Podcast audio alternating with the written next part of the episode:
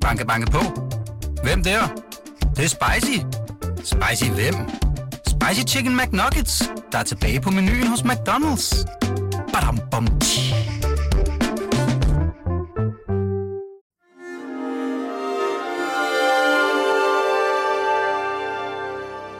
Du lytter til Avistid, en podcast fra Weekendavisen.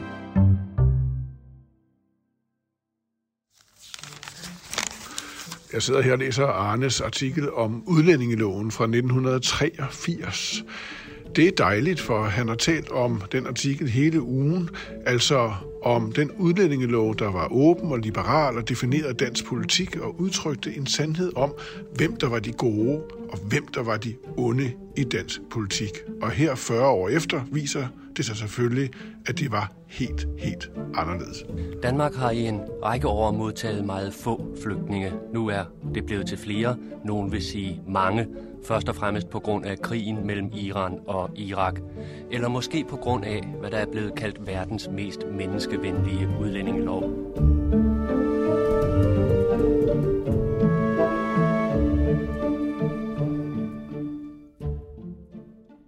Men jeg, jeg vil spørge, om du tror, Mette Frederiksen skal til, øh, til Bruxelles Øh, det skal hun på et tidspunkt. som migrantarbejder? Som øh, NATO-general. så- Altså, puh.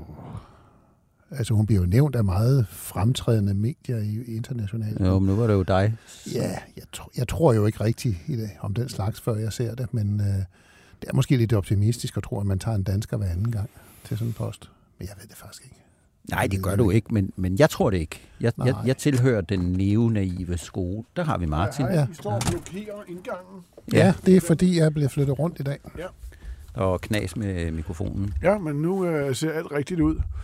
Jeg synes, jeg hørte øh, Mette Frederiksens navn. Ja, det var, øh, Det var NATO-rygtet, vi Ja, ja. diskuterede, ja. uden at konkludere men det er vi noget. altså for fine til at diskutere i Endnu, en podcast. endnu, endnu, vi, vi kommer til det. Det er jeg 100% sikker på, du synes i næste uge. Ja, det, er, ja, det tror jeg godt, du kan have Det er ret i. dit deadline-gen, som øh, Ja, vibrerer. ja, ja, jeg er jo ja. Ja. det der nyhedskøder på den måde. Nej, jeg vil sige hund. Øh, Arne Hans, hvordan går det med jer? Det går godt. Hvor Godt. dejligt. Har I det? I har det? Nu er, det Godt. jo, nu er det jo pinse og alt muligt. Så Ja, skal det er det. glad. Ja, ja. Øh, vi har et program, vi skal have lavet, og det handler ikke om Mette Frederiksen denne gang. Det handler om noget andet, nemlig udlændingelov fra 1983. 40 års jubilaren. 40 års jubilæen. Øh, og vi skal tale om det, fordi især du, Arne, har gået og talt om, øh, om, om den fødselsdag i en del dage. Du har lavet et interview i dagens øh, avis med Kåre Dybvad Bæk, øh, integrationsminister, om øh, øh, udlændingeloven og 40-årsdagen. Hvorfor er det så øh, spændende, fascinerende at tale om den lov? Det er nu, både Hans og jeg har jo været politiske journalister i mange årtier, og det er den lov, som har genereret mest energi i vores arbejde, og det er selvfølgelig fordi, den har genereret enorm energi i det politiske og i det folkelige Danmark. Det er simpelthen den mest dramatiske øh, på, sådan på hverdagsniveauet og det ideologiske niveau og menneskesynsniveauet lov, som vi, øh, som vi har været igennem. Og så udtrykte den en sandhed, indtil den ikke gjorde det længere. Altså, den var jo, øh, den blev til i en tid, hvor øh, der var sådan ligesom en forestilling om, at det her handlede om moral. Det handlede om at være ordentlig over for folk. Det er også CD's opfattelse, at selvfølgelig må det først og fremmest være menneskesynet. der er overordnet, når det gælder flygtningepolitikken, det er menneskesynet. Ja, vi mener bestemt også, at det skal være menneskesynet, som skal være det, der er øh, rettesnoren i forbindelse med flygtninge. Fremmest det er en øh, human forpligtelse at øh, give plads til de mennesker, der Altså, vi havde jo en flygtningepolitik, som var baseret på den kolde krig, hvor der var nogle få, der hoppede over Berlinmuren eller sejlede over Østersøen. Og så kom der pludselig uh, ret store mængder af flygtninge fra, fra helt andre dele af verden, og, og, og, og det gjorde, at man måtte forholde sig anderledes til det. Men der var en sandhed om, at hvis man ikke gik ind for indvandring, så var man et moralsk dårligt menneske. Hvad var det, der skete i 1983? Lad os, øh, lad os føre lytterne tilbage til, til de måneder, der fører op til 83. Jamen, der er øh, den konservative Poul Slytter jo øh, blevet statsminister relativt kort før, og har et øh, borgerligt flertal, men han er også afhængig af de radikale, og de radikale kunne godt tænke sig, at når nu man skulle have en udlændingelov, og det synes man, at man skulle have, ikke mindst på baggrund af nogle personsager, så ville de radikale godt have, at man fik øh, styr på tingene på en mere åben måde, end den siddende borgerlige regering ville. Det helt store, det var, at det tænkte Socialdemokraterne, at det var måske en god idé at gå med på. Og det var et egentligt linjebrud for dem. Hvad var det, loven gjorde? Man skal lige tænke på, og vi kommer tilbage til Socialdemokraternes rolle. Hvad var det, loven faktisk gjorde? Der var jo krig i verden. Øh, der var både kold krig, øh, men der var også varm krig. Irak og Iran øh, sloges, øh, den, og, den, det, og det producerede simpelthen nogle flygtninge, som, man også, som på det tidspunkt var en del af debatten. Den gav folk, der ville hertil øh, med, med påstand om at være flygtninge, den gav dem et retskrav om at få behandlet deres sager. Og det betød, i starten var der næsten ikke nogen, så man vidste overhovedet ikke, hvad man talte om. Jeg har genlæst øh, debatten op til vedtagelsen af loven der i, i foråret 83. Man talte om det som en mere abstrakt ting, om at det var da en god idé, at flygtningene fik øh, retskrav.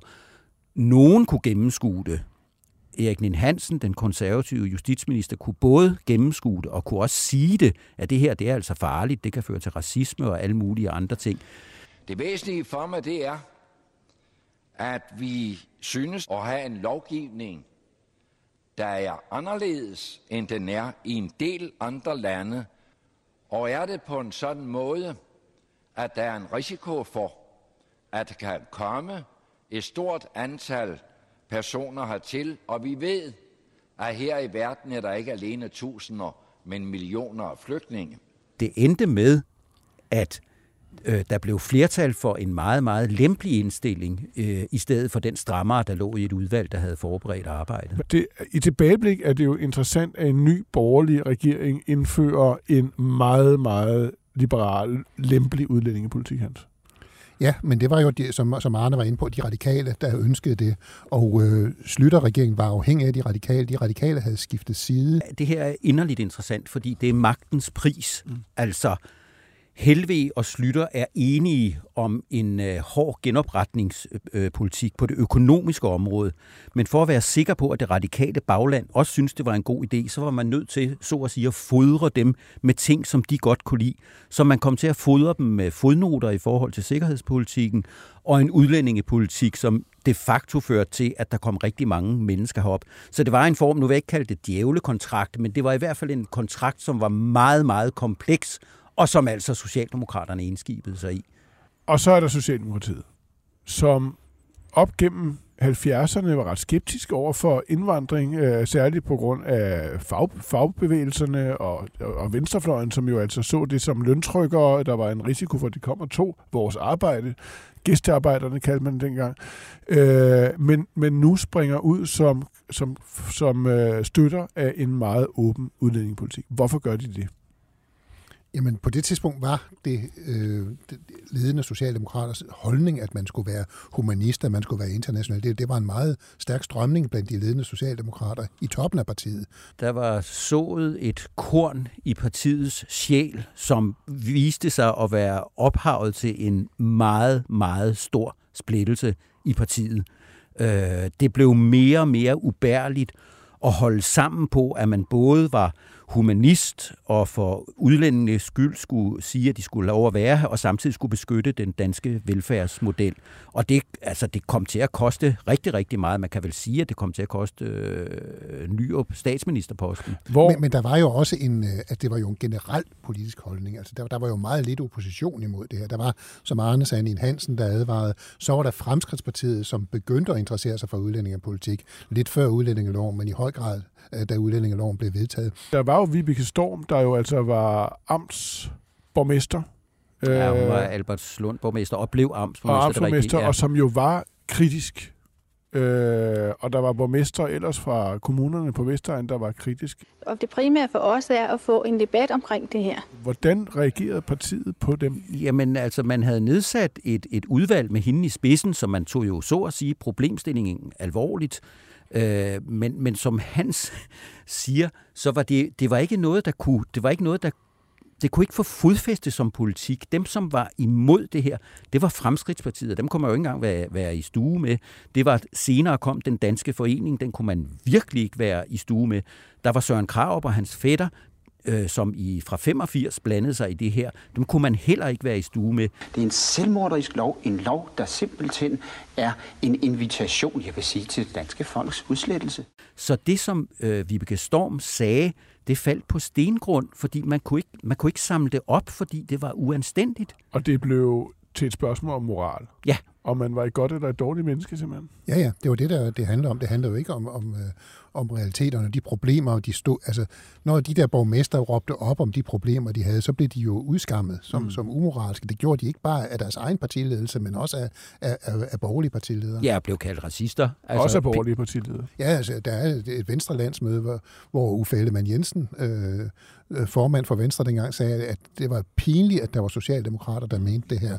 Derfor har jeg meldt mig selv som indsamler næste søndag. Jeg går ud med raslebøssen. Og jeg vil opfordre jer, der er til stede her i dag, til at gå ud og gøre det samme. Så kommer Folketingsvalget i 1987, som du, Arne, et nogle gange har kaldt for det hemmelige første udlændingevalg. Hvorfor det? det? Jamen, det, det, var et, det var et virkelig interessant valg, som har en tendens til at blive overskygget af det valg, der kommer meget kort efter, som er atomvalget i, øh, i 88. Øh, det viser sig, at Slytters store plan, som han har sammen med Niels Helveg om, at nu skal de rydde bordet, så de selv kan blive det nye centrum højre, der definerer, hvordan den danske velfærdsstat skal udvikles, og hvordan økonomien skal udvikles. Det bliver simpelthen løbet over ende. Slytter går ikke frem, som han havde regnet med. Han går tilbage. Fremskridtspartiet, som man håber at kunne udslette, går frem. Sømanden Preben Møller Hansen, som har lavet sit øh, parti Fælleskurs, kommer i Folketinget på en dagsorden, der blandt andet er udlændingeskeptisk. Anker Jørgensen har op til valget talt om, at vi er et lille land, der skal passe på med at lade os rende over ende. Mm. Der er simpelthen en udlændingedagsorden, som chokerer partierne. Lige en ting til. Venstre siger bagefter, da de så konstaterer, at det ikke gik så godt, som de havde håbet, det er Ivar Hansen, han siger så, ja, vi havde jo ikke regnet med, at, at Socialdemokraterne ville lave ligesom en auktion om ja. det her spørgsmål. Kort sagt, vi havde ikke regnet med, at det skulle være politik. Men det er jo fordi blandt andet, at der begynder at komme egentlige stemmer, og også bredt i offentligheden, der problematiserer øh, udlændingepolitikken. Ekstrabladet fører an i en kampagne i, i de år, hvor, hvor det er på dagsordenen. Sad du der, Hans? På det jeg tidspunkt? var på Ekstrabladet, ja. Hvad handlede det om, da det, set indefra? Jamen, det, der er vi oppe i 90'erne. Mm. Der vi, øh, men, men det var jo en, en diskussion, som øh, især øh, chefredaktør Svend Ove Gade gerne vil føre, og hans argument var, det er den største forandring af Danmark, vi har set i nyere tid, og den er, man har aldrig spurgt befolkningen. Øh, det var sådan hans demokratiske tilgang til det. Og jeg kan godt sige, at selv internt på Ekstrabladet var der kæmpe skepsis, og jeg var også selv skeptisk. Øh, Fordi du synes, det var, det var, det var grundlæggende vold, det var, amoralsk, det var, det var, det var voldsomt, det var, det var meget voldsomt, øh, ja. øh, også sådan i sit formsprog og sådan den kampagne. Og, og læser man artiklerne i dag, så vil man synes, at de var ikke noget som helst. Altså, det, det, var, det var uskyldigheder i forhold til, hvad der senere blev ja, sagt. Det, det, har du nogensinde sagt undskyld for, at du var skeptisk dengang? Øh, jeg tror, jeg har nævnt det over for nogen, men... Øh, Okay. Vi, har jo, vi har jo alle sammen taget fejl okay, gang, så, så sker der jo det, at altså, der er det valg i 87, hvor øh, udlændingepolitikken faktisk kommer lidt under radaren, men kommer på dagsordenen. Øh, offentligheden er begyndt at rykke sig, men så kommer Tamilsagen. Det er jo det, der Hvad er... kommer den til at betyde Jamen, for, for, at høre, for vores opfattelse den, af den udlændingelov? Den, den hænger på en måde, i hvert fald tidsmæssigt direkte sammen med, med 87-valget. Fordi det første, Nin Hansen gør, efter at det valg ikke er gået så godt, det er efter en diskussion i regeringen, hvor alle synes, det er lidt øh, det er ikke så godt med familiesamføringerne, så tager han på egen hånd, på egen hånd tager han så fat på... I egenskab af justitsminister. Yes, og, og få de her sager nedprioriteret de facto frosset, så der ikke, så der ikke sker noget. Statsminister Poul Slytter påtog sig i dag på regeringens vegne ansvaret for, at flere hundrede ansøgninger fra tamilske flygtninge blev lagt i syltekrukken. Men ligesom et flertal i Folketinget mente statsministeren ikke, at der skal graves videre i den sag. Og samtidig så skifter Socialdemokratiet formand øh, til Svend Augen, og han tager Vibeke Storms øh, udvalgsarbejde og krøller det sammen og hælder det over i hjørnet, og så laver han et nyt, man kan se det for sig, ned i papirkurven, så laver han et nyt udvalg, som blandt andet koncentrerer sig om at bekæmpe danskernes fremmedskepsis mm. og, og udlændinge øh, så, så, så kan man sige, at der hele vejen op gennem 90'erne, når det gælder den lovgivning, altså udlændingeloven, som vi jo står her og, og fejrer på vores egen måde i dag, øh, 40-års fødselsdagen, at der, at der hele vejen op gennem 90'erne sker en, en, en total afkobling mellem vælgerne og det politiske liv. Ja, det gør der. Og, og det er blandt andet Tamilsagen, der gør det, fordi øh, det, at Nien Hansen bliver dømt, og Tamilsagen bliver så stor en skandale, som, som den bliver, og det bliver den jo ikke fordi øh, den er udlændingepolitisk, men, men fordi, altså, sag, kernen i sagen er jo, at en minister skal overholde loven, og det gør Nien Hansen ikke. Men udlændingepolitiske undertoner i den gør, at øh, den, den selvfølgelig bliver en del af debatten. Men det gør også, at den udlændingepolitiske diskussion bliver låst. Der er ingen, der tør at tage fat på det, fordi man har fået en mand i rigsretten for at mene noget om det. Så, øh, så den låser i mange, mange år. Der er ingen, der tør ligesom at, at ændre standpunkt. Her. Det der moralske argument, altså, det, altså det, helt, helt, helt det verdensbillede, som debatten om udlændingeloven lagde ned over den offentlige debat, hvornår ændrede det så faktisk? Hvad var vendepunktet? Det var altså, vel ikke i 2001, hvor, øh, hvor, der får, hvor, hvor Fogh og Dansk Folkeparti øh, der får det, det der, får det, der får det sit parlamentariske Nemlig? magtudtryk, men, men det, det starter før, og det starter faktisk i det små. Lige så snart man har lavet udlændingeloven, så begynder man at se, om ikke man kan trække i land og, og, og, og stramme bardunerne igen. Men det foregår med en, vis, med en vis langsomhed, fordi Socialdemokratiet kan ikke finde øh, jeg ved ikke, om man kan kalde det hjem til en oprindelig position, for man havde jo sådan set kun udlændinge øh, eller øh, indvandrerstoppet og, og hvile på, men man kan ikke fuldtonet slå igennem med det her. Og så kommer der jo et nyt parti. Fremskridspartiet gør sig umuligt, men så kommer der det nye parti i 95, Dansk Folkeparti, og så kommer ting på plads og i orden. Det er et fuldstændig sammenhængende program. Vi skal passe på Danmark. Vi skal ikke have noget med EF at gøre, og vi skal ikke have noget med, med øh, mange udlændinge til Danmark at gøre. Danske skatteydere skal jo ikke fungere som socialkontor for hele verden, og derfor er der virkelig reelle behov for opstramninger af udlændingeloven og samtidig griber Dansk Folkeparti jo øh, velfærdsdagsordenen fra Socialdemokratiet. Det vil sige, at det bliver et tilflugtssted for alle de socialdemokrater, der er skeptiske over for partiets øh, udlændingepolitik. Og, og, og Socialdemokratiet kan ikke håndtere det her. De, de ved ikke, hvordan de skal stille op med det. Mm. Man kan se, at de, de famler rundt, og, det, og, og symboler på det er den tale, ny og potter i Folketinget, hvor han står og siger til Dansk Folkeparti, I bliver aldrig stuerene. Uanset hvor mange anstrengelser man gør sig, set med mine øjne, stuerene, det bliver I aldrig. Altså det, det er tegn på, det, der kører han stadigvæk den moralske dagsorden, men hans vælgere er på vild flugt. Det, uh, Kåre Dybvad Bæk siger i interviewet uh, med dig, Arne, i dag, det er jo, at, at der sker på et tidspunkt endelig en, en, en kobling både mellem det politiske liv og vælgeren og hos Socialdemokratiet mellem udlændingepolitikken og dens indflydelse på velfærdsstaten ja. overhovedet. Hvornår de, sker det faktisk? Der, de begynder, de forsøger, Nyrup forsøger også, Helle Thorning forsøger også, hun laver midlertidig opholdsgrundlag. Øh, Nyrup er fanget af en kæmpe splittelse i sit parti mellem Svend Augen på den ene side, og så nogen som Karen Jespersen på den anden side. De er bange for, at partiet kan, kan flække på det her. Det falder fuldstændig i synk med Mette Frederiksen, og der kommer Tess Faris bog, som også uh, ligesom giver en, en kvasividenskabelig og, og hvad er det, de gør? Hvad er det, der sker der? Jamen, det er, at velfærd hænger sammen med en stram udlændingepolitik. Hver eneste gang, jeg udtaler mig om udlænding, så bliver jeg jo opsøgt af en journalist, der siger, det gør du bare af taktiske årsager. Og det kan godt være, at jeg de næste 10 år kommer til at sige, nej, det er ikke taktik, jeg mener det. Jeg tror ikke på, at vi kan få et samfund til at fungere, hvis ikke alle, der bor her, er integreret. Derfor bliver der nødt til at være en grænse for, hvor mange der kommer hertil. Hvis ikke vi passer på at lukke grænsen mest muligt, så vil velfærden blive slidt ude i de områder, hvor man har mest brug for den, i yderområder, i de sociale boligbyggeri og i, i underklassen her i Danmark. Og det kan socialdemokrater lige pludselig se sig selv i, ikke mindst når det også bliver forlenet med, at de også får regeringsmagten, så kan det jo rigtig sætte sig som, øh, som essentiel øh, politik. Og betyder det, i virkeligheden i det her store 40-årige perspektiv af udlændingepolitikken, som har defineret dansk politik næsten konstant indtil i forgårs, er død, som vi kender den i dag? Den er jo aldrig død, fordi der vil komme sager, og der vil komme kæmpe diskussioner, og det vil skabe øh, ballade øh, meget lang tid frem. Men som sådan en politisk vanddeler mellem blå og rød, er den, er den, øh, er den ligesom sat ud af spillet, fordi man kan sige... Øh, Venstre har jo også haft sin rejse, men de, øh, de, de, de finder jo ligesom ud af det med få, at nu skal de køre den hårde udlændingepolitik, fordi i, ved valget i 98, der var der mange af rådgiverne, der sagde, at Uffe skulle køre den hårde udlændingepolitik over for ny, og det sagde han nej til, og tabte valget så vinder de valget i 2001 på udlændingepolitik og kører det. Men, men den rammer jo også ned og, og, og splitter de borgerlige, mm. fordi øh, pludselig bliver det, det er også integrationspolitik, hvor mange frikadeller skal de have proppet ned i halsen i børnehaven osv., og, og det kan liberale mennesker ikke så godt lide.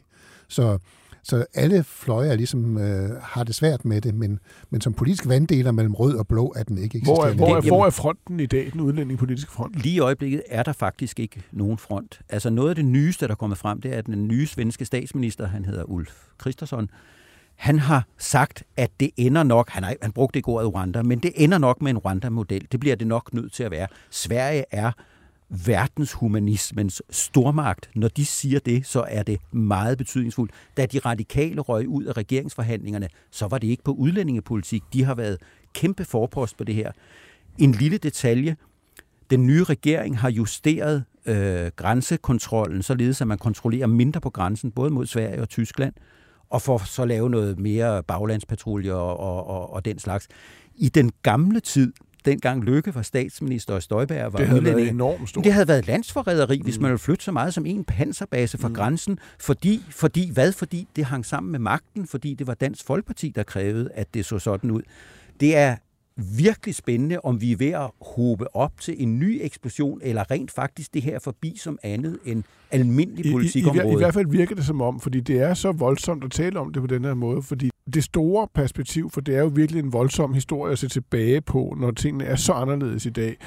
Kan det være, at politikernes rolle som moralske fyrtårne, altså det, at moralske argumenter udgår fra politikerne, er slut. Altså, det er meget svært at forestille sig på samme måde, som, som, som dengang i 80'erne eller 90'erne. Nu er det noget, der hentes op fra vælgerhavet. Altså, det, det, i det her spørgsmål måske, men ellers så tror jeg, at moral kommer til at fylde noget i politik. Moral fylder jo også noget i, i klimapolitik og så videre. Er du et ordentligt menneske, spiser du for meget kød og så videre. Så moral vil altid fylde noget i politik sammen med nogle mere sådan hardcore økonomiske argumenter. Det vil, politik vil altid være en blanding, men her var det bare sådan helt ekstremt udtalt. Mm. Moralen har holdt flyttedag over til klimapolitikken, og udlændingepolitik er blevet til politik den anden kamp om klimaet, det handler om, om det skal være politik, eller om det skal dikteres af, om man er ordentlig, og hvad videnskaben siger. Måske er der også en anden lektie i det, nemlig det, at noget, som i mange år virker som en sandhed, som er uantastelig og uforanderlig, pludselig er, er, ikke er det længere. Det er nærmest en falskhed. Det er jo fascinerende. Det, det, det, er jo, det er jo tidsånd, vi taler om nu. Man, man mærker aldrig tidsånden, når man, øh, når man har den i ryggen. Så er det bare det naturlige, det rigtige, det man taler om i salonger og på gader og stræder. Når det så bliver til modvind, så, så kan man lige pludselig se noget andet. Men der er bare sket det simple, og det er jo ikke særlig kompliceret, at, at Folketingets flertal er kommet i overensstemmelse med befolkningen på det her spørgsmål. Altså 70 procent af Folketinget er cirka i overensstemmelse med 70 procent af befolkningen. Så er der nogen, der siger, at vi skal være meget strammere, og nogen, der siger, at vi skal åbne grænserne mere. Men det er, det er to mindretal. Hvis sandheder, der står så nælfast, kan vise sig at være usande eller forandrer sig så voldsomt, så må det jo også gælde i dag, at der må være sandheder, politiske sandheder i vores vor dages tidsånd, som vi ikke kan se. Ja, helt, helt, helt, helt, helt, helt sikkert. Hvad og, hvad, og, hvad og, og pointen være? er, at vi ikke kan se dem, men, men noget, der ligger for, det, det er jo klimapolitikken, for den er blevet spændt meget kraftigt op, som jeg prøvede at antyde før, som Hans faktisk antydede før mig, at det bliver hævet, det bliver hævet ud af det politiske og bliver moralsk i stedet for. Det er et oplagt område at kigge efter, om der kommer til at ske nogle justeringer, hvor man så siger, sagde vi virkelig det, eller sagde vi virkelig så lidt, eller gjorde vi det ikke på en anden mm. måde? Nu bliver, var... vi, nu bliver vi nok både hængt og skudt. det var, men, godt, det var men, godt, I sagde noget, der... Men man bliver altid så klog, når man sidder og ser tilbage. Det er det. Arne Hans, spændende at høre jer fortælle om den øh, fascinerende historie. Programmet er slut. Det blev tilrettelagt og produceret af Birgit Nissen Petersen. Tak for det. Og vi lånte klip fra DR også. Tak for det. Vi høres ved i næste uge. Tak for nu. Skal vi faktisk tale om Mette Frederiksens eventuelle NATO-job i næste uge? Oh, der skal i hvert fald være mere konkret kød på, vil jeg mene. Hun skal jo til Washington. Ja, men jeg... jeg det er jeg, rigtigt, hun skal til Washington. Øh, jeg, synes, jeg synes godt, man kan tale, jeg synes godt, man kan tale om det. Mm. Øh, om ikke andet, så kan vi stå sådan lidt arrogant på afstand og, og se, hvordan andre håndterer det. Øh, og det har allerede en virkningshistorie. Er det ikke faktisk også konceptet? Jo, det, det er ligesom... Jo, men det kunne være meget mere tydeligt på en, på en eller anden måde.